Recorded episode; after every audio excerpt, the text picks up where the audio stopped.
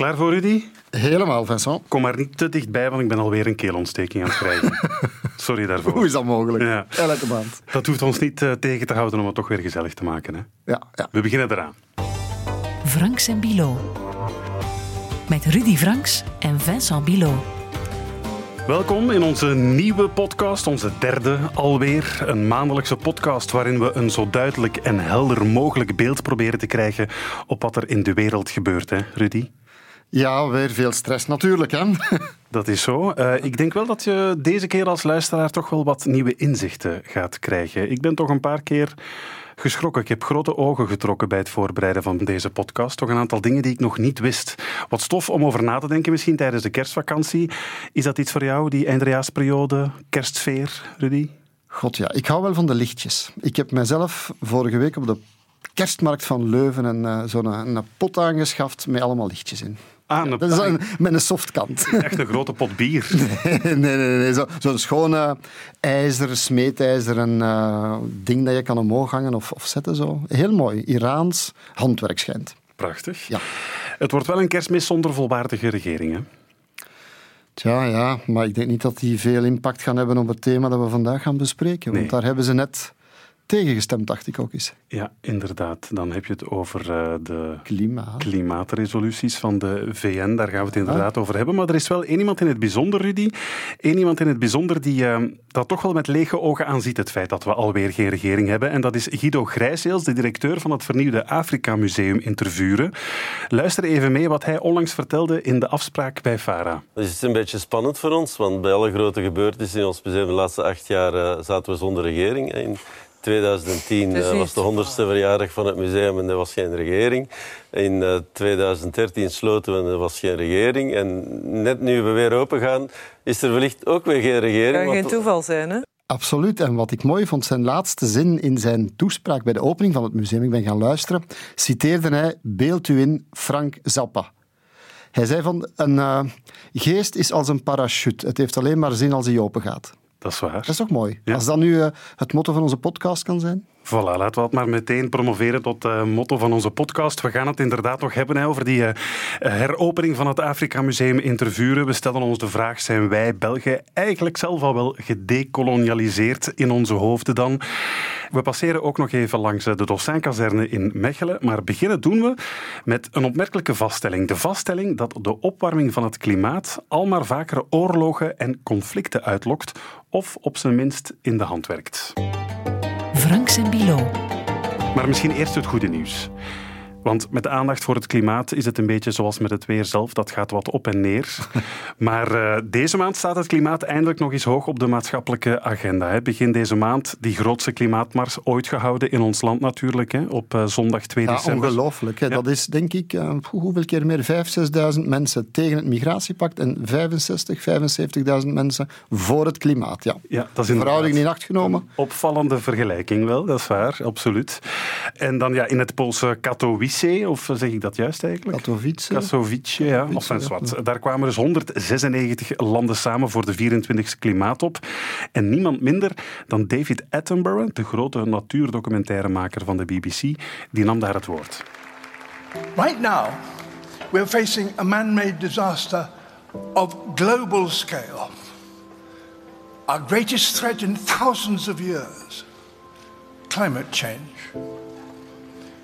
If we don't take action, the collapse of our civilizations and the extinction of much of the natural world is on the horizon.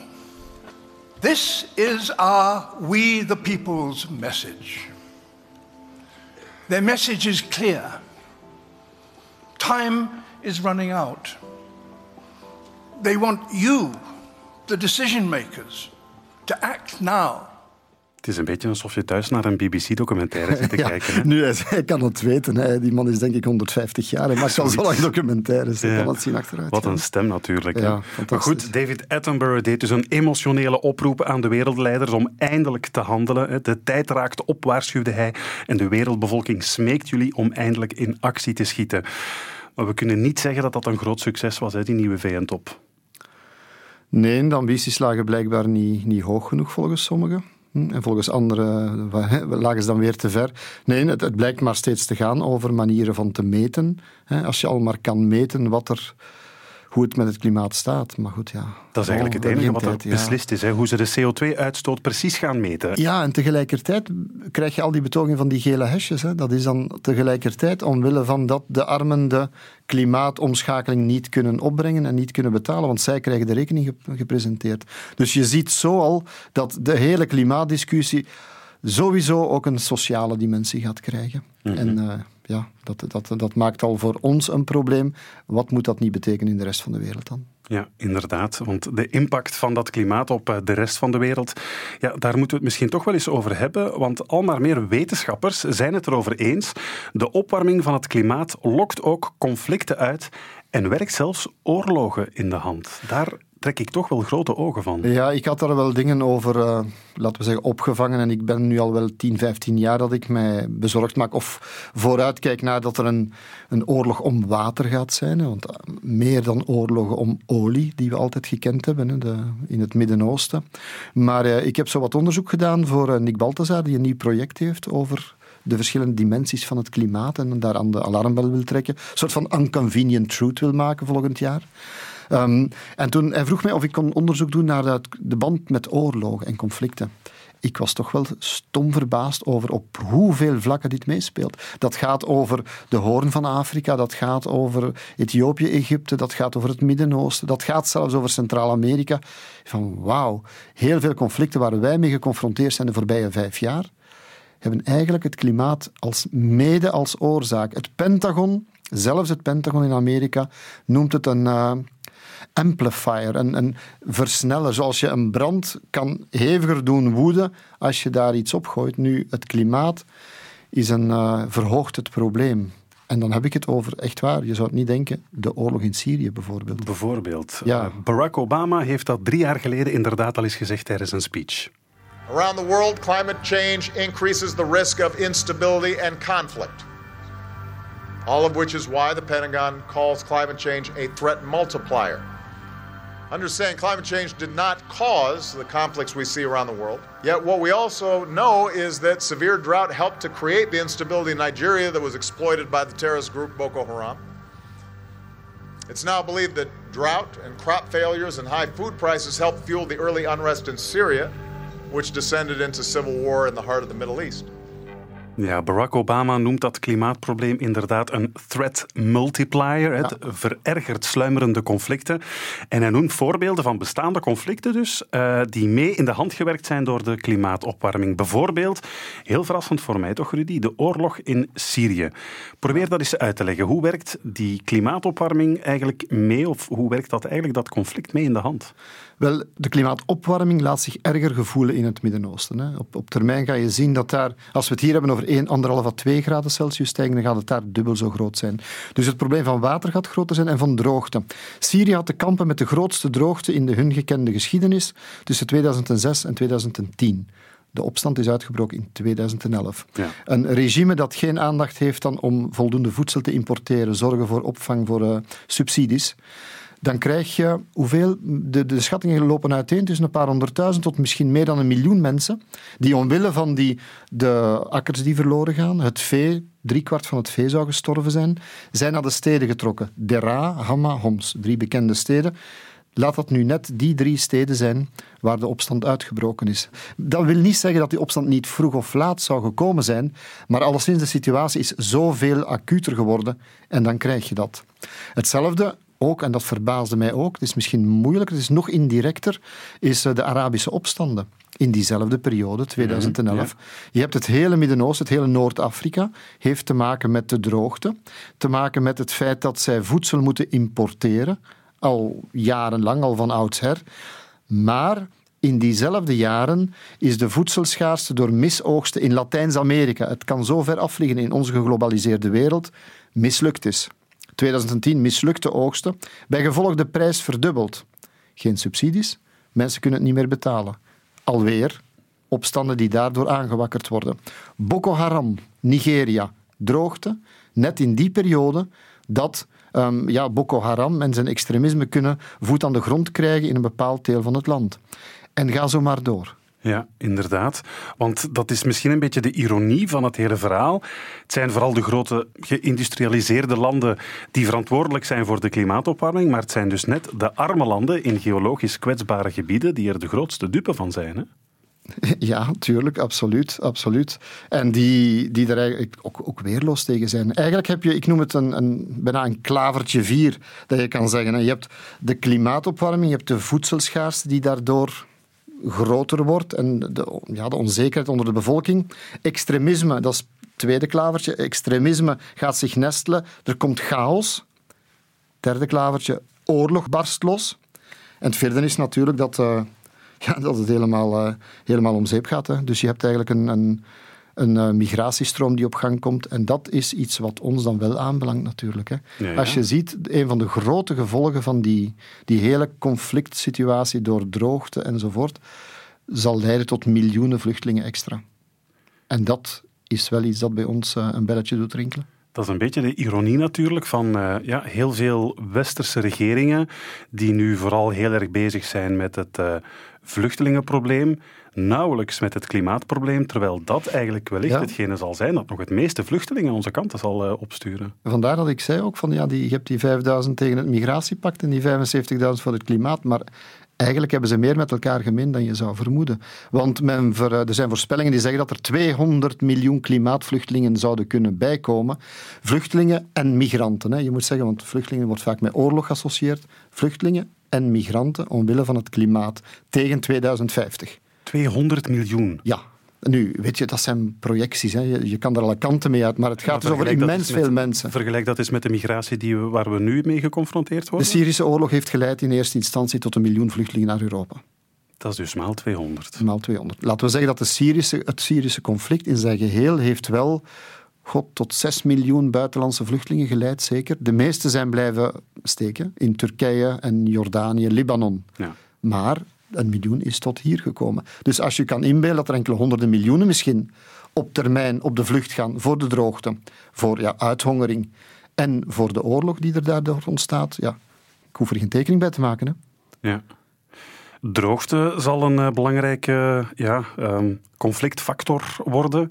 En daardoor ook vooral water. En, en dat is iets wat bijvoorbeeld op dit moment blijkbaar ook wel een rol speelt in een soort escalerend conflict tussen Egypte en uh, Ethiopië.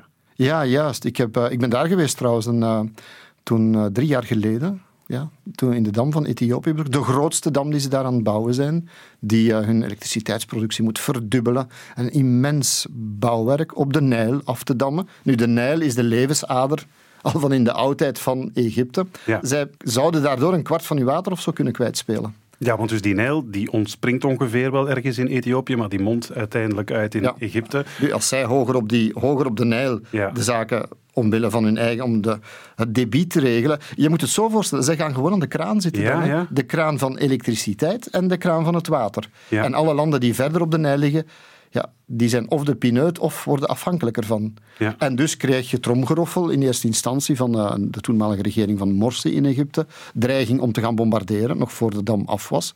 Nu heeft men overleg, maar die dreiging blijft natuurlijk, hè? Ja. uiteraard.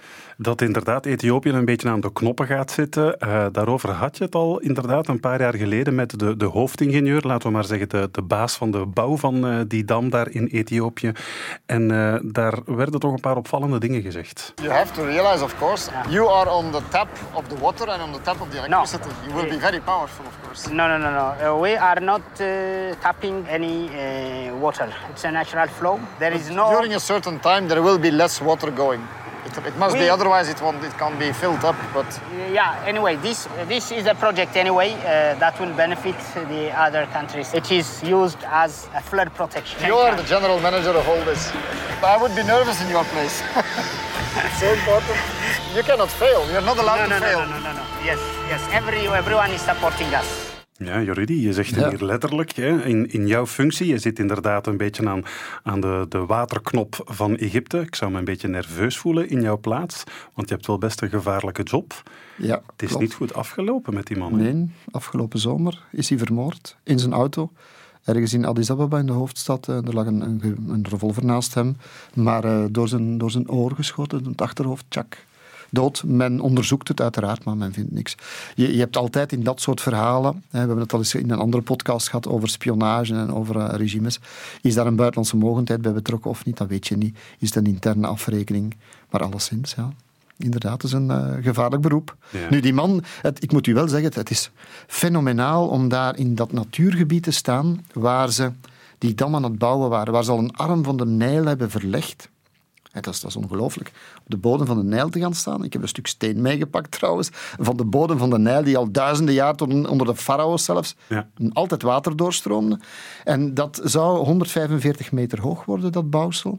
En dat zou dan god ja, 1700 en zoveel meter um, wijd zijn. Eh, een hele provincie bijna die onder water komt te staan. Het, het is een immens project. Hè. Maar opletten, Congo heeft dat ook gehad. Hè. Met de Inga-dammen. Ze gingen ook de grootste waterkrachtcentrale van, en, van Afrika bouwen. En ze gingen heel de wereld van elektriciteit voorzien. Grootste dromen kunnen soms fout lopen. Ja, dat is waar. Nog iets opvallend. Um, in Irak, daar voelen ze ook de klimaatopwarming. Daar zijn nu zelfs grappig genoeg zou ik bijna zeggen, Irakezen aan het betogen in gele hesjes. Ja. Zoals in Frankrijk en bij ons, maar dan niet tegen de brandstofprijzen, maar tegen het watertekort dat ze daar dus... Uh, ja, ik heb mij laten vertellen dat uh, zowel in Irak, maar ook in andere landen in het Midden-Oosten, dat men uh, nauw wil toezien op de verkoop van gele hesjes. men heeft gezien dat dat in Frankrijk een signaal van revolutie kan zijn of zo. En dus um, de gele hesjes. Ja, dat is ook een manier om het uh, protest in te dammen. Ja, ja, het, het, er geen hesjes meer zijn. In een grote delen van de wereld, het probleem wordt meestal niet aangepakt, maar alleen de symptomen natuurlijk. Hè. Nee, in Irak is het ook een groot probleem. Um, je weet ongetwijfeld dat er ook dammen zijn in Turkije. heeft een heel groot dammenproject. Hè. De Tigris en de Eufraat worden ook, waardoor er ook weer meer droogte in Syrië en Irak ontstaat. De opwarming van de aarde. Een heel deel van Zuid-Irak merkt die droogte heel erg. Hetzelfde verhaal van de, ja, de, de akkers, de oogst die mislukt, het vee dat sterft. En altijd erbij zeggen, het heeft ook vaak te maken met corruptie en slecht waterbeheer. Als je de, Zuid, de grootste stad in Zuid-Irak zou bekijken, Basra, dat is een vuilnisbelt van brak water, van slecht, slecht beheer van water. Het zou kunnen het Venetië van Irak zijn, zoals men zegt, maar het is vreselijk. Dus ja, al die dingen gecombineerd maken dat uh, zelfs de mensen die normaal het regime zouden steunen, het Shiïtische regime van Bagdad, daar in opstand beginnen te komen. Want ja, voedsel en water, piramide van Maslow, dat is de basisbehoeften. Hè? Ja. Ik onthoud toch vooral dat er ja, mogelijk zo'n grote stroom van klimaatvluchtelingen op ons afkomt en dat tegelijkertijd die klimaatproblematiek eigenlijk compleet veronachtzaamd wordt. Dat is toch, vind ik, een zeer bittere conclusie. Hè? Ja, beeld je dat het Midden-Oosten um, onleefbaar wordt binnen dit en 50 jaar of zo. Wat gaat ons dat opleveren? Ja. Dan hebben we olie, maar geen water meer. Inderdaad. De politiek blijft het hoofd in het zand steken, maar uh, al maar meer mensen pikken dat niet meer. Hè, want volgende maand is er trouwens alweer een uh, klimaatmars gepland in Brussel. Een getal apart. Ja, elke maand neem ik hier even letterlijk een getal apart. Een cijfer dat ons een beetje hoopvol kan stemmen over eh, de toekomst van de wereld. En deze maand is dat het cijfer 5. Want vijf jaar, Rudy, zo lang zullen de werken duren, is nu eh, medegedeeld voor de reconstructie van de iconische Al-Nouri-moskee in Mosul. Die moskee werd, wat is het, een dik jaar geleden nog door IS eigenlijk opgeblazen, hè? Ja, in juni vorig jaar vlak voor ze eigenlijk uit Mosul verjaagd werden. Maar hij wordt dus weer opgebouwd en dat is belangrijk voor de wederopstanding van Irak, want die moskee, eh, zo heb ik me laten vertellen, en vooral de Miranet, eh, de Miranet, de, minaret, die beheersen, of die beheersten vroeger echt de skyline van, uh, van Mosul. Hè? Ja, dat was het symbool. Je kan het bijna vergelijken met de scheve toren van Pisa. Hè. Dat is zo, we noemden hem ook de bochel. Zo, die, die stond zo helemaal scheef. Je kan die ook nog trouwens, de enige plek waarop je die kan bewonderen is op het uh, eh, 10.000 dinar briefje van, uh, van Irak. Van 10.000, uh, het geldbriefje. Het staat zelfs op geldbriefje. Ja, ja, ja, het is echt zo, zoals de scheve toren van Pisa, die staat dus scheef en dat maakt hem zo speciaal. Maar ook, het is een, een oeroud monument dat er was. De Nouri-moskee wordt het genoemd, maar het is naar Noureddin die hem besteld heeft. Um, Noureddin was de de held, nog voor Salahuddin, dat is even Arabische geschiedenis, die tegen de kruisvaarders gevochten heeft. Dus dat is de, eigenlijk de eerste die opgeroepen heeft op zijn manier om uh, de Westerlingen, de Westerse kruisvaders te verdrijven uit het Heilige Land. Dus ja, dat is een, dat is een immens symbool, ook voor de, de mensen van Mosul zelf. Dat is hun trots. En voor Sunni-moslims. En nu net de IS, die hebben in die moskee, al-Baghdadi, de kalif, heeft daar zijn kalifaat verklaard. Ah, is daar, heeft daar de, de enige beeld dat we van die man hebben, quasi, is als hij daar het preekgestoelte bestijgt. Hè. Dus dat is eigenlijk ook voor hen iconisch. Dat was hun, hun heilige plek, bij manier van spreken. Die was hen afgenomen. En, die, ja, nee. en ze blazen die dan op als ze vertrekken, toen dat ze verslagen waren quasi. Ja, ik wil maar zeggen, het was de Irakezen eigenlijk afgenomen. Ja, ja, door, door, IS. Ja. Door IS en dan IS die blaast die dan op. Ja.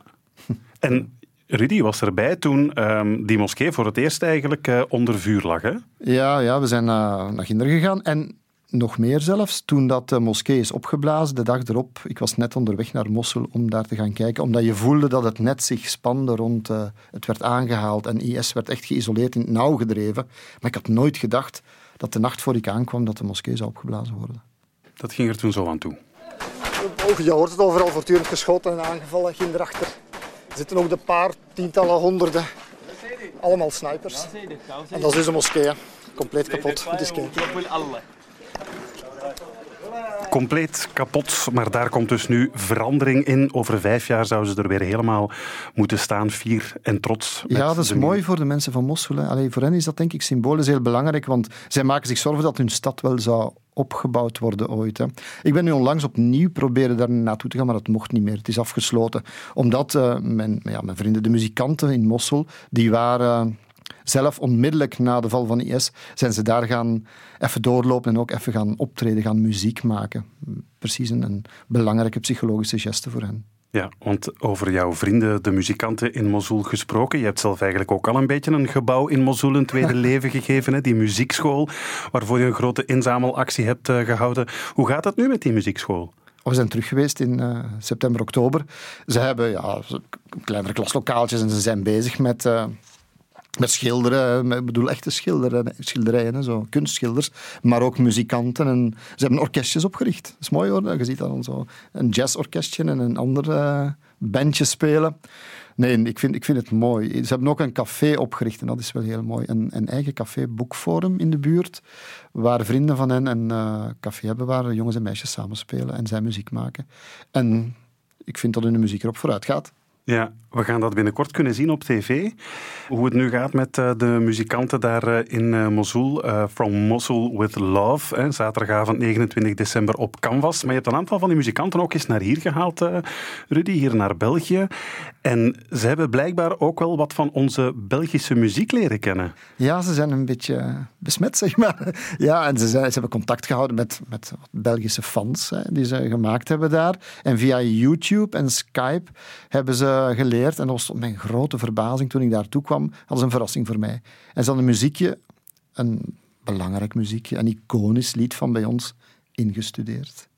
Ik viel van mijn stoel. Nu ben ik wel benieuwd. Zullen we er eens samen naar luisteren? Absoluut.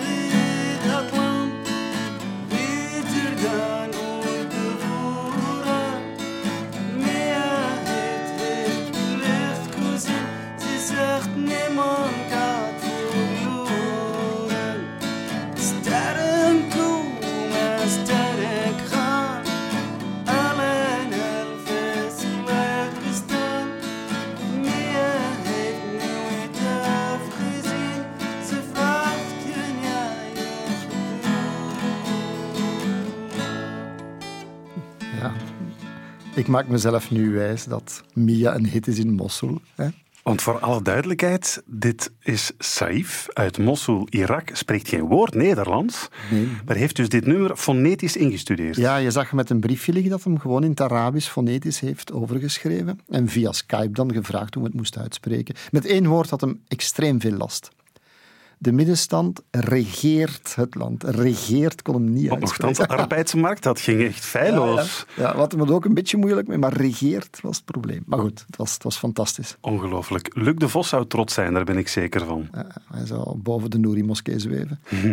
Wie wil weten hoe de rest van die eh, Iraakse muzikanten in de muziekschool van Mosul eh, is vergaan, die moet dus zeker zaterdagavond 29 december naar Canvas kijken voor de documentaire From Mosul with Love. Franks en Bilo.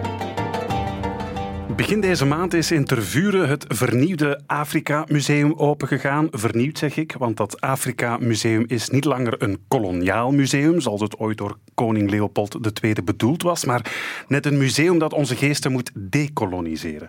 We praten erover met eh, Primroos Ntumba. Dag Primroos. Hallo. Hallo. Jij bent door het Afrika Museum aangesteld als verbindingsfiguur tussen het museum en de Congolese gemeenschap in België.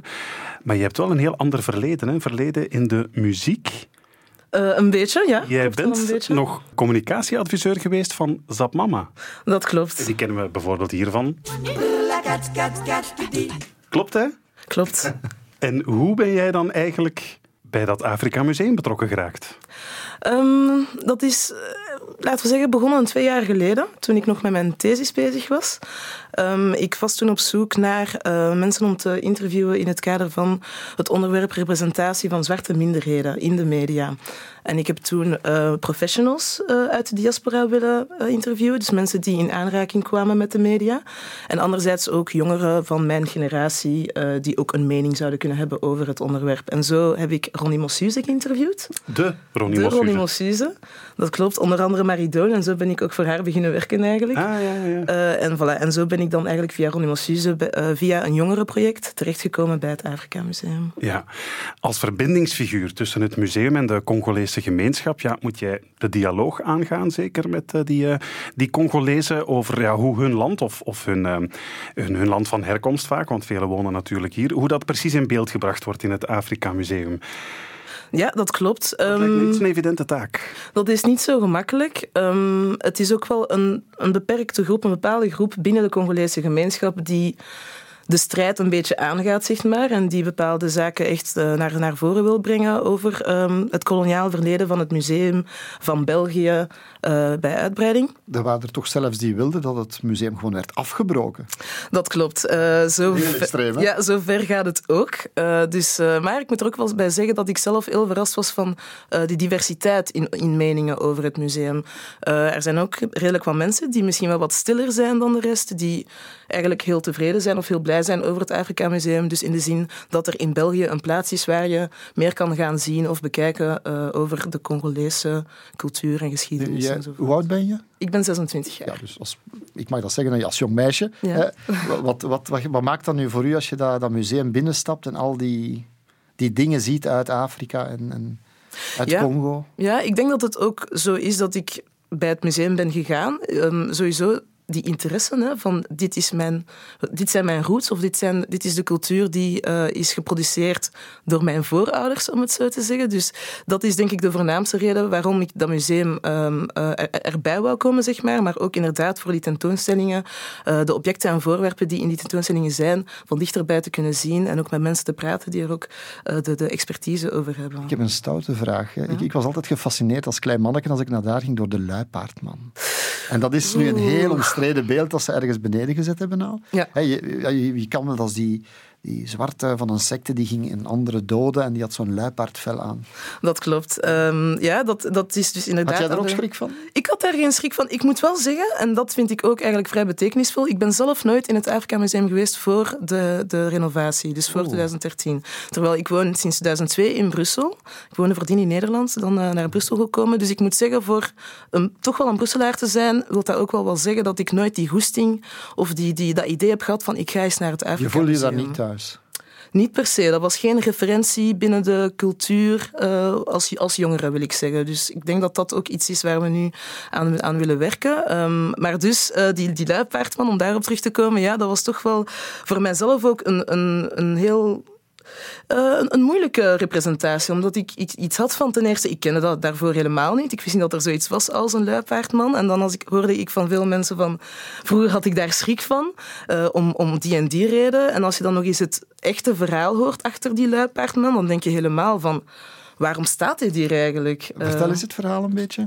Dus dat was blijkbaar iets van een, eh, een, een, een, kleine groep mensen uit een bepaalde stam. Dus dat is helemaal niet wijd verspreid in de Congolese cultuur of zo.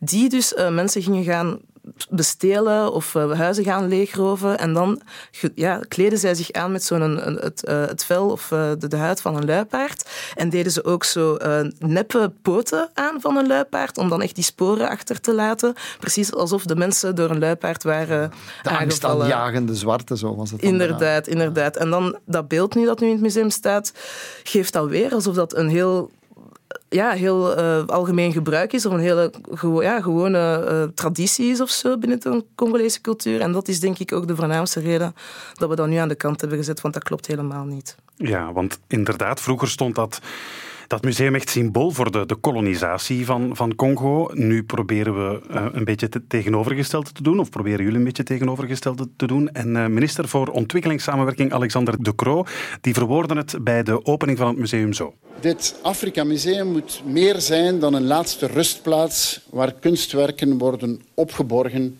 voor de eeuwigheid. Dit moet ook het museum van de Afrikaanse jeugd worden. Het museum van het gedekolonialiseerde Afrika. Ja, de dekolonisatie van de geesten wordt het ook wel eens genoemd, hè, wat dit museum probeert te doen. Leg dat eens uit. Zijn we er nog altijd niet mee in het reinen, wij Belgen en ook de Congolezen met dat hele koloniale verleden? Um, dat denk ik inderdaad niet, jammer genoeg. Um, het, is, het, is nu een heel, uh, het komt nu heel vaak aan bod in de actualiteit in de media. Uh, de, de, serie Kinderen van de kolonisatie speelt ja. er ook heel goed op in en, en, brengt ook, denk ik, een heel groot deel van dat koloniaal verleden naar, naar boven. Uh, dat mensen nog nooit zo hadden gezien of nooit zo hadden aangeleerd. dus ik denk wel dat er nog stappen te zetten zijn. Ik denk dat we nog maar aan het begin zijn. en dus ook voor het museum, we hebben inderdaad de bedoeling gehad om ehm, het koloniaal verleden van het museum achter ons te laten en uh, meer de stem van Afrikaanse mensen of mensen van Afrikaanse afkomst uh, te integreren in het nieuwe museum. Dus dat is een manier om te decoloniseren. En, en, en, dat is ook een beetje het ding aan het debat. Wat is decoloniseren? Ook in ons geval van het museum gaat het over de instelling, gaat het over het personeel, gaat het over de tentoonstellingen. Gaat het over de objecten? Want Alexander de Croo heeft ook iets heel opmerkelijk gezegd, zelfs internationaal. Hij heeft gezegd van, we moeten over restitutie durven nadenken. Dat is toch wel ja. echt een... Het uh, teruggeven van objecten Ja, dat is een, echt een deur openduwen die in heel. Europa woedt, met alle musea, ook in Frankrijk en Engeland. Wat gaan we doen met die objecten? Gaan we die hier laten? Of gaan we die... Oké, okay, dat kunnen tijdelijke tentoonstellingen zijn, maar... En dan zeggen vele anderen, ik, hoor, ik, ik heb ze al horen stijgeren, ja. van nee, want ja, geef het aan... Ik zal nu advocaat van de duivel spelen. Stuur het naar Kinshasa en je kunt het een week later op de zavel in het geniep gaan terugkopen. Of stuur het naar Kinshasa en het zal verdwijnen en, en, het wordt niet goed onderhouden, het wordt niet goed geplaatst. Het is een, het is een heel moeilijk debat. Hè. Het is een moeilijk debat. Uh, in dat verband heb ik vorige week een vrij interessante week gehad, uh, omdat uh, wij op de opening van het museum ook de directeurs van twee musea uit Congo hadden ja. uitgenodigd en ook een aantal professoren, historici en nog andere professors. Um, en zij zijn in debat gegaan eigenlijk met die activisten uit de diaspora ja. over de restitutie. Dus dat was eigenlijk heel heel interessant om bij te zijn. Uh, en in dat gewonnen? gewonnen. Ik denk dat de, de, de directeurs wel een aantal heel uh, terechte opmerkingen te maken hadden, waar de diaspora of die specifieke uh, activisten uit de diaspora niet helemaal benieuwd, waren wat zei de directeurs uit Congo erover? Zij waren toch wel van mening dat de restitutie sowieso iets is om, om op te starten, om aan te beginnen. maar zij waren ook vrij realistisch over de, de infrastructuur van hun instellingen en over mogelijk bijkomende de nieuwe infrastructuur. Er wordt nu bijvoorbeeld een nieuw museum gebouwd in Kinshasa, dus dat maakt al meer, uh, dat maakt de mogelijkheden groter natuurlijk. Maar zij hadden ook zoiets van, er zijn heel veel spullen in, in, in het Afrika Museum. Waar beginnen we? Zij vonden bijvoorbeeld dat een inventarisatie van de objecten en de voorwerpen uh, ja, prioritair zou moeten zijn. In de zin van zij, zij hadden het ook vooral over een restitutie van zaken die gestolen zijn, of waarvan het zeker is dat ze illegaal verkregen zijn. Maar ja, Dus kolonisatie, als de Belgen daar een baas spelen, dan, dan noemden wij niet stelen, we namen dat gewoon mee. Hè. Nee, er zijn wel zaken waarvan het echt duidelijk is, deze dingen zijn aangekocht geweest, deze zijn eh, gegeven geweest, maar voor de andere zaken...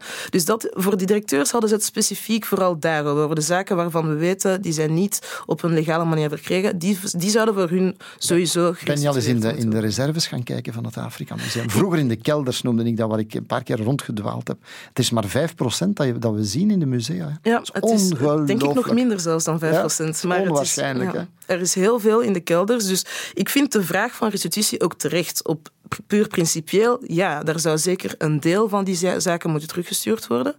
Maar de manier waarop, wanneer, waar worden ze eh, naartoe gestuurd, wie gaat die daar ook verzorgen, conserveren, restaureren, zoals dat hier in het Afrika Museum gedaan is geweest de afgelopen honderd jaar, dat zijn wel dingen om eh, over na te denken, volgens mij. Weet je, Primroos, ik ben zelf ook, ook eh, historicus. Ja. En ik heb mij stom verbaasd toen ik op de VRT werkte, dat, of begon te werken, dat ik de eerste keer dat ik grote documentaires over Congo zag en over wat Leopold II daar gedaan had, hè, hè, laten we zeggen Rood Rubber en zo, dat dat eh, documentaires van de BBC waren. En daar is nog veel, veel herrie over geweest toen. Duizenden zwarten stierven voor de rijkdom en de roem van Leopold II, de koning der Belgen die door de Amerikaanse schrijver Mark Twain vergeleken werd met Attila, Genghis Khan en Ivan de Verschrikkelijke. The rubber in this district has cost hundreds of lives. And the scenes I have witnessed while unable to help the oppressed have been almost enough to make me wish that I were dead. Over een periode van 20 jaar maakte Leopold van Congo één gigantisch werkkamp, 80 keer zo groot als zijn eigen koninkrijk. Hij werd ten koste van veel zwart zweet, bloed en tranen een van de rijkste mensen ter wereld. Ja, dit komt uit een bewerking van een BBC-reportage van 14 jaar geleden. Ja. Het is wel opvallend dat, eh, ja, dat eigenlijk nu pas met Kinderen van de Kolonie op Canvas er eigenlijk voor het eerst is kritisch naar ons koloniale verleden wordt gekeken. Hoe komt het, Rudy, eigenlijk, dat zelfs hier op de VRT het lang geduurd heeft voor we daar klaar voor waren? Ja, dat is een, een vraag die ik mij ook altijd gesteld heb. Maar aan de universiteit waar ik, waar ik gestudeerd heb, aan de KU Leuven, daar was tot in de periode dat ik daar studeerde, alleszins in de jaren 70, 80, is daar, werd daar ook geen aandacht aan besteed. Je, hoorde, je leerde zoveel dingen, ook over de middeleeuwen en zo, maar onze eigen koloniaal verleden en vooral de kritische kijk erop werd daar niet gebracht. Dan daarna ben ik die boeken beginnen zoeken erover. En dan heb je Daniel Groenewegen, maar nota bene een antropoloog, die eigenlijk heeft moeten dat taboe doorbreken en daar een op, ophefmakende studie over gemaakt heeft. En dan een Amerikaan, Adam Hochschild, hè, die over de geest van, eh, van eh, koning Leopold sprak. En daar echt wel het basiswerk geschreven waar die documentaires dan op gebaseerd zijn, over die ja, miljoenen doden die er gevallen zijn. Ik blijf het mysterieus. Maar dat is nu veranderd hoor. Ik, heb, ik ben onlangs studenten tegengekomen die eh, nota bene aan, aan de KU Leuven daarover eh, hun studies deden. Men heeft dat taboe doorbroken. Maar zelfs bij de VRT. Ik, ik heb mij laten vertellen dat in die tijd er ook nog wel enige druk is uitgeoefend geweest vanuit politieke kringen om die documentaire dan bijvoorbeeld niet uit te zenden. Ah, maar ja. weet je, dat is ook maar van horen zeggen. Hè. Dat, dat kun je nooit zeker weten. Dat gaat men me nooit vertellen. Ja, de tijden zijn veranderd, want jouw redactie heeft meegewerkt hè, voor een deel aan, eh, aan de nieuwe, het nieuwe museum. Ja, ja, ja, ja, dat is plezant. Ik- Het museum eh, heeft een eh, speciale plek in, in mijn hart, omdat ik daar heel vele dingen vroeger ook voor gedaan heb, ook mee aan tentoonstellingen gewerkt. En de olifant trouwens, we hebben ooit de geschiedenis van de grote, beroemde olifant gereconstrueerd. Het vel van de olifant, zoals ze dat zeggen, waar het vandaan komt. Maar eh Anneleen van, eh, van mijn redactie is naar Congo gegaan om eh, voor het digitale project 360 graden virtual reality films te maken. Omdat je Congo wel ziet in objecten, maar het is toch ook mooi als je een museum voor de 21ste eeuw maakt, dat je ook een andere blik op Congo krijgt. En dus Anneleen Ophof heeft uh, samen met Thomas Maddes dan, is dan naar daar gegaan en heeft uh, in, de, in wat eigenlijk het... Als je daar ooit zou kunnen komen, Vincent, ik zou eigenlijk eens moeten meepakken. Dat is fantastisch. Dat is aan, in de bocht van de rivier, in het Heart of Darkness. Je mag er bijna niet zeggen, bij Kisangani. Een, hoe moet ik zeggen, een wetenschapsinstelling geweest die zijn gelijken niet kende op onze planeet in die tijd, in de jaren 50 uiteindelijk nog.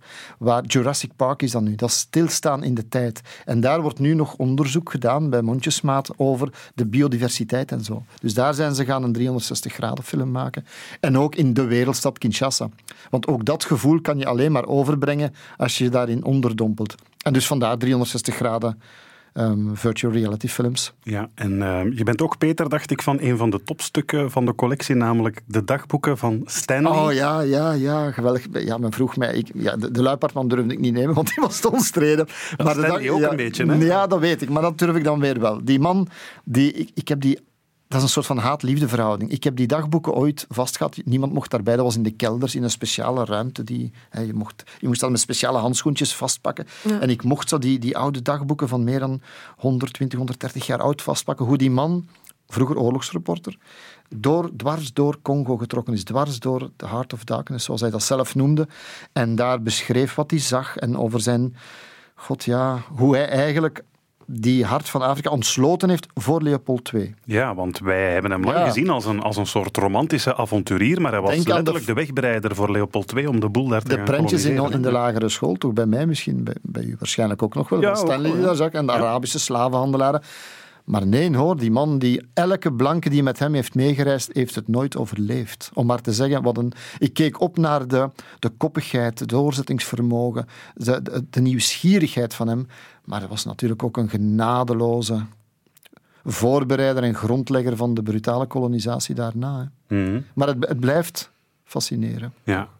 Primroos, nog één dingetje, want het is fantastisch natuurlijk dat dat museum waar jij voor werkt nu echt voor een, ja, een debat zorgt hè, over, over hoe we ja, onze mentaliteit over Congo misschien moeten veranderen. Ja, er was ook wel veel te doen over het taalgebruik natuurlijk in het, uh, in het museum. Hè. Bambi Kuppes, curator van het museum, die vindt bijvoorbeeld dat begrippen als hut en jungle, dat die niet altijd in de juiste context eh, gebracht worden of gebracht werden in het museum. Er was ook veel te doen over het woord tamtam. Daar werd wel eens mee gelachen. De meeste mensen denken dat ze weten wat een tamtam is. Dat is een trommel waarop je slaat om te communiceren. Ja. Dat klopt niet. Tamtam, dat wordt een spleetrommel. Tamtam en de, en de, en de spleetrommel. Tam, tam, tam, tam, tam, Tamtam is een zeer vaag, overkoepelend begrip dat voor van alles en nog wat wordt gebruikt. Tam, tam, tam, spleetrommel. Tam, tam, tam, tam, tam, tam, tam, tam, spleetrommel. Tam, tam, tam, tam, tam.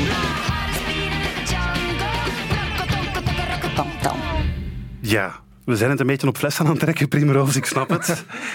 maar snap je dat daar wel wat rond te doen is? Eh, rond dat idee dat onze mentaliteit ook moet veranderd worden door ons een beetje van bovenaf te zeggen dat we bepaalde woorden niet meer mogen gebruiken en dat we nu ineens spleetrommel moeten zeggen tegen een tamtam. Dat is niet zo evident, hè?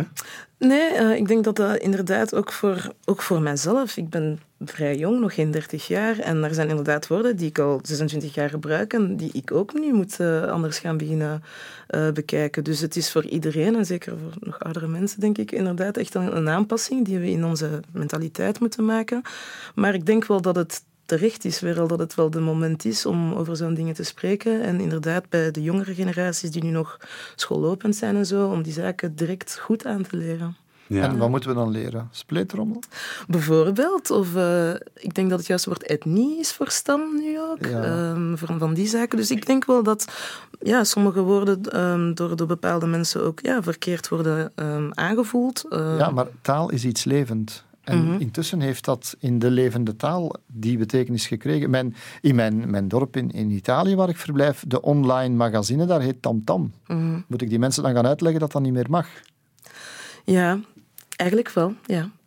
daar komt het denk ik wel op neer. En dat is niet gemakkelijk, maar oh daar moeten we naartoe kunnen gaan. Dat denk ik wel. Een mentaliteitswijziging, daar gaan vaak jaren en jaren en jaren over. Maar de eerste stap is gezet met dus dat vernieuwde Afrika Museum in Tervuren vanaf deze maand opnieuw te bezoeken. En vooral, denk ik, uh, om heel hard over na te denken. Maar echt een aanrader, Vincent. Ja, echt wel. Echt absoluut. Wel. Kom zeker langs. Dat gaan we zeker doen, Primroos. Bedankt uh, voor jou om hier bij ons al langs te komen. Dat is heel graag gedaan. Franks en Bilo. En het is kerstvakantie, dus na dat bezoekje aan het Afrika Museum schiet er zeker nog wel wat tijd over voor een ander museum. En wat dacht je van Kazerne Dossin, het Holocaustmuseum in Mechelen? Want daar loopt, Rudy, een interessante tentoonstelling voor jong en oud. Want ze gaat namelijk over strips en graphic novels. Wat bedoel je voor jong en oud? Gewoon ook voor mij dus. Ook voor jou, maar ook voor mij. Ik zal mij dan maar opwerpen als de jongere van onze twee. Eh, het is de expo Holocaust en Strips. Die laat zien hoe striptekenaars en graphic omgaan met de jodenvervolging in hun werk. Hè. Hoe zelfs zoiets donkers en macabers als eh, de Holocaust en de concentratiekampen toch ja, een inspiratie kunnen zijn om strips of graphic novels rond te maken. Jij bent een, eh, een liefhebber van graphic novels? Absoluut, omdat ik het een mooie manier vind om, om, ja, om ook heikel, om dat soort heikele thema's op een toch volwassene manier, maar met die taal over te brengen. En af en toe doe ik samen met Karel, een tekenaar, ook wel pogingen om ook graphic novels te maken. Ah. Over vluchtelingen. En, en nu zijn we eentje aan het maken over Mosul en wat daar gebeurd is. Dus, ja. En Karel trouwens heeft uh, ook eentje gemaakt, De kleuren van het ghetto. Ik weet zelfs niet dat hij daar nu al in de tentoonstelling ligt, maar De kleuren van het ghetto gaat over een jongetje, Misha, dat probeert te ontsnappen uit het ghetto van Warschau. Hebben trouwens enkele jaren geleden de National Jewish Book Award gewonnen daarmee. Dus, uh, dus ik voel me wel verwant. Dat is je, wel mooi. Je bent nog niet kunnen gaan hè, naar de Nee, expo? maar ik ga zeker gaan. Ik ben wel al geweest, want het toeval wil, Rudy, dat mijn schoonvader daar gids is in de kazerne Dossin. Aha. Kan ik hem boeken? Kan, kan wel iets regelen. Um, hij heeft mij uitgenodigd, of hij is zo vriendelijk geweest om mij uit te nodigen voor een rondleiding tijdens de publieksdag. Ik was natuurlijk weer te laat, slechte punten gescoord met mijn schoonvader. Maar uh, hij was wel zo vriendelijk om me toch even uit te leggen waarom je die expo toch echt wel moet gezien hebben.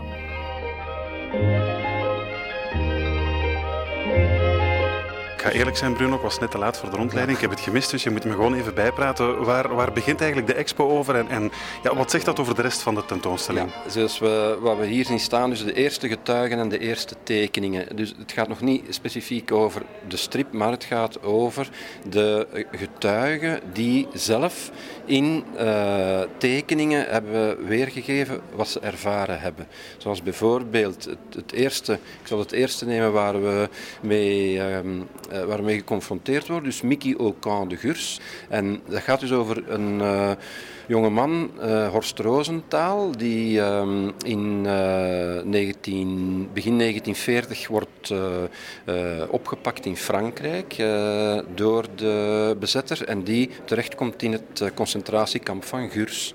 En tijdens zijn gevangenschap hè, in het kamp van Gurs, tijdens zijn, zijn detentie, begint hij te tekenen en een verhaaltje te schrijven over Mickey in Gurs. En, en, Mickey is voor alle duidelijkheid Mickey Mouse ja, Mickey, eigenlijk. Hè? Mickey Mouse, dus een... Het Disney-figuurtje. Het Disney-figuurtje dat door uh, Adolf Hitler himself wordt verafschuwd als het meest verwerpelijke symbool van, van alles wat ons bedreigt. Dus dat is eigenlijk op zich al een soort satirisch teken ja, van verzet eigenlijk, door die Mickey dan te gebruiken in zijn tekeningen. Hè? Zeker, zeker.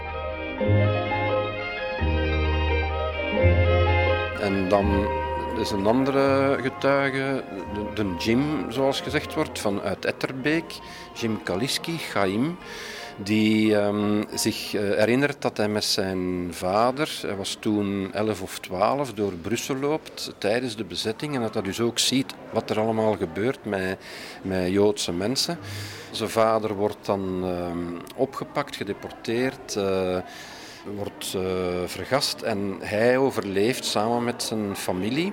En uh, het is pas in eind van de jaren 70, uh, omdat zus hem vraagt ook van doe iets met die gevoelens waarmee dat je zit en die, waarover dat je het niet kunt hebben. En dan begint hij dat in een soort van uh, en collage weer te geven. En dan zien we dus wat hij meegemaakt heeft en wat hij zich herinnert. Onder andere ook dat hij constant het liedje hoorde in die tijd van Léo Marianne. Le Léo Marianne, Je suis seul ce soir, uh, avec mes rêves. Het is misschien leuk om dat ook eens te laten te horen. laten klinken ondertussen. Te laten ja. Kijk, hoor je het al? Ondertussen ja. speelt het liedje dus okay. uh, van, van Léo Marianne. Léo Marianne, Je suis seul ce soir. Je suis seul ce soir. Dat mooi, mooi nummer. Avec mes rêves. Ja. Je suis seul ce soir. Sans ton amour. En dat is, dat is hoe we met onze, met onze tentoonstelling beginnen. En dan ehm, ja, gaan we na op welke manier men de, de, eerste, ja, de eerste stappen zijn gezet, hoe de eerste stappen zijn gezet om de holocaust, nogmaals, hè, de holocaust in strip te brengen. En hoe moeilijk dat dat thema ligt. En dat er dan een evolutie is om van feiten weer te geven meer naar het, ehm, het psychologische eh, te gaan. En, en dat, dan komen we terecht bij uiteraard Art Spiegelman. Ja. Die, zoals we het hier ook zeggen, een, een revolutie teweeg brengt in de manier waarop Holocaust wordt in, in strip en graphic novel gebracht. Ja. En hij gaat dan op zoek naar, uh, ja, oké, okay, de vader van Spiegelman heeft uh, de kampen overleefd, zijn moeder ook, maar zijn vader heeft een moeilijke relatie, zeer moeilijke relatie. En dan probeert hij dus die relatie wat los te weken. En zo komen we terecht bij wat uh, ervaringen van zijn vader zijn geweest in Auschwitz. Je suis seul ce soir avec ma peine. J'ai perdu l'espoir de ton retour. Bruno, de miljoenen luisteraars van deze podcast die nu klaar zitten om naar, eh, om naar hier te komen. Waarom moeten ze echt deze expo, behalve natuurlijk sowieso een bezoek aan het Ossijnkazerne, moet iedereen eens gedaan hebben, waarom moeten ze expliciet deze expo zien? omdat we via deze expo uh, Holocaust en strips vanuit een, een bijna misschien voor velen onverwachte invalshoek naar het thema gaan van de holocaust en van wat een genocide is. Ne me laisse pas seul sans ton amour. Dank u wel voor uw aandacht. Ehm, ja, ja. Dank u wel. Best confronterend toch om eh, te zien hoe mensen in die kampen hebben gezeten, die vreselijke beelden en ervaringen dus hebben neergetekend. Maar het zijn niet alleen autobiografische strips trouwens die je daar ziet, ook uh, Maus van Art Spiegelman, bekend voorbeeld, die zit daar in de collectie.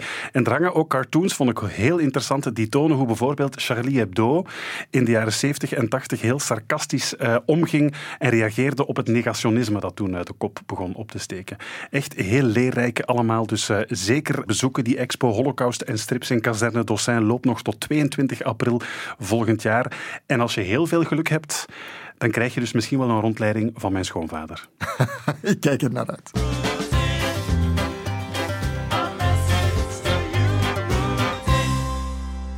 Elke maand krijg jij de kans om een vraag te stellen aan Rudy Franks.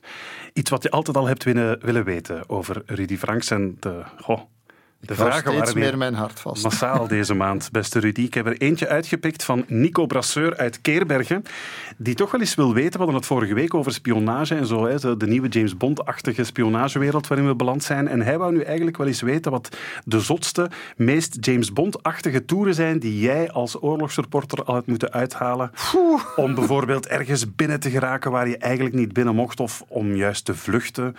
Of hij wou weten of je ooit al eens zo met je jas over een katrol ergens naar beneden bent gesjeest of zo. Dat soort spectaculaire dingen. God, god, god. S'nachts door het um, clandestien Syrië binnentrekken met mensensmokkelaars.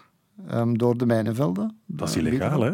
Uh, ja, als je het niet echt mocht, ja, dan moet het op een andere manier. Hè. Dat was wel... Is dat James Bond? Ja, dat was een beetje James Bond. Maar het erge was, dan is dan Gust Vlatermeer, toen we terug weg wilden een week later. Dan kwamen we buiten en dan werden we vergezeld, want er doken plots echte um, families op die door mensensmokkelaars begeleid werden. Die kinderen begonnen te wenen en plots vloepten daar de lichten aan van uh, patrouilles van de Turkse en dan moet op uw knieën in de, in de modder gaan zitten, handen omhoog, geweer tegen u... Dat, ja, ja, absoluut. Ja, natuurlijk. Ja. Dat wordt niet gefilmd natuurlijk, uiteraard. Want ja, dus het bestaat dan zo gezegd niet. Nee, nee, dat is bangelijk. Dan werden we weg uh, teruggestuurd, terug de oorlog in. Ik dacht, ja, maar ja, ik heb een paspoort, ik moet de andere kant uit. Ik wil naar Turkije, ik wil weg. Ja. Um, maar samen met al die mensen, met die vluchtelingen, met hebben en houden en, en kinderen, terug weggestuurd. En hij zei ook bovendien, als ik u terug zie komen, dan schiet ik u neer. Ja, dat gaf wel een beetje beklemmend gevoel. En, maar we gingen dan zo een beetje uit het licht. We waren met drieën, samen met mijn cameraploeg. Zo'n beetje telkens verder weg van de rest van de kolon, totdat we uit de lichten waren in een donker. En dat was een hoog maïsveld, zag ik. En we hebben ons daarin laten vallen, onder de maïs.